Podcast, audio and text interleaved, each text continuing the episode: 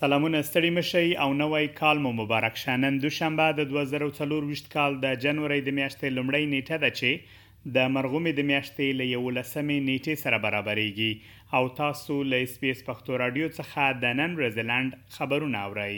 د ولسمشر ولادیمیر زیلنسکي حکومت وايي له روسیې سره د بندیانو پر تبادلې کار کوي.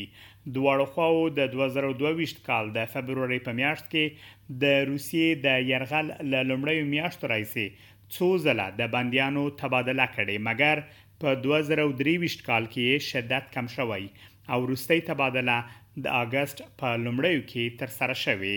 د اوکراین د جګړې د بندیانو کورنیو او ملګرو پرون د کییف په ښار کې مظاهره کړې او د خپلو دوستانو د خلاصون غوښتنه یې کړې ده. په شمالي سیمې کوینزلنډ او لویدیځې اسټرالیا کې خلکو ته د تودوخې د څپې په اړه خبرداری ورکړل شوی دی. د اسټرالیا د هواپېژندنې اداره خبرداری ورکوي چې په یادو ایالتونو کې به د تودوخې درجه له څلوېښتو څخه پورته اوسېږي.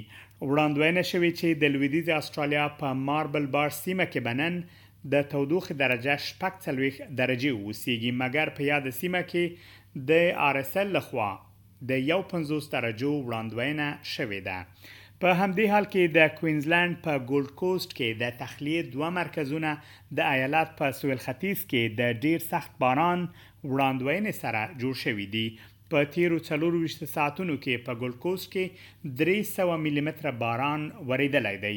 د اسټرالیا د هوا پیژندنې اداره وړاندوینه کوي چې په راتلونکې یوې یا څو ورځو کې به سخت بارانونه ووریږي. د پولیسو سرپرست مک ویلیمز له خلکو څخه غوښتنه کوي چې په کورونو کې پاتې شي او له سړکونو لرې اوسي. هغه وايي، هیڅوک باید په سخته هوا کې کښتۍ ونه چلوي. د غزې په مرکزي سیمو کې اوسیدونکي او ډاکټران وايي چې اسراییلي الوتکو په سیمه باندې بریدونه زیات کړي دي.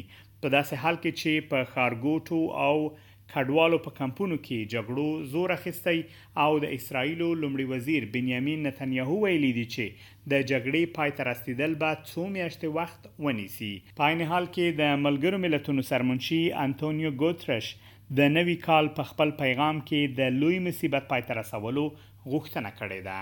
دا هم یو سپورټي خبر د اسټرالیا د کرکټ د ملي لوبډلې لوبغاړي ډیویډ وارنر د خپلې وروستۍ ټېسټ لوبې په سر کې له یو ورځنیو نړیوالو لوبو څخه د تقاعد اعلان وکړ. د اسټرالیا دغه تجربه لرونکی لوبغاړی وايي، په هند کې د نړیوال جام له بریا وروسته دا د یو ورځنیو لوبو د پرېښودو لپاره مناسبه وخت دی. وارنر څرګنده کړې چې دا پرېکړه به په بهر کې په سوداګریزو لوبو کې د کرکټ لوبې ترسره کولو فرصتونه رامنځته کړي دا وه د نن ورځې لنډ خبرونه چې ما مجیب منیب تاسو ته وړاندې کړل تر بیا مو الله مل شه.